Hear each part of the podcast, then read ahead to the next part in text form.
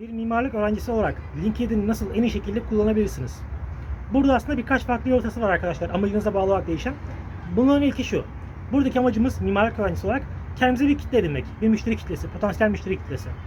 Bunun için ilk yapmamız gereken şey olabildiğince fazla şekilde çalışmalarımızı paylaşmak ve çalışmalarımızla ilgili fikirlerimizi de aynı şekilde paylaşmak insanlarla. İkinci yapmamız gereken ise ilk aşamada çok fazla insana bağlantı isteği kurmak. Ama bunu tabii mümkün olduğunca bizim habitatımızda, bizim ekosistemimizle ilgili olması lazım. Ve bu birkaç bin kişiye ulaştıktan sonra artık bırakmak gerekiyor. Çünkü daha fazla insana istek atarsak bu sefer algoritma bizi beğenmeyebilir. Fake olarak gözükebiliriz. Bu birkaç bin kişi bizim paylaşımlarımızı beğendikçe, çünkü artık sektörle ilgili bunlar, bizim daha fazla ins- insana erişme şansımız artacak. LinkedIn sayesinde. Ve bu birkaç bin kişiye ulaştıktan sonra artık daha fazla insana erişecek. 15-20 bin kişi, 50 bin kişi vesaire. O noktadan sonra artık iş teklifleri, konferans, eğitim talepleri vesaire oluşmaya başlayacak. Bu da sizin bir mimarlık öğrencisi olarak mezun olduktan sonra birkaç yıl içinde söyleyelim buna. Mezun olduktan sonra artık çok daha fazla geri dönüş almaya başlayacağını söyleyebiliriz.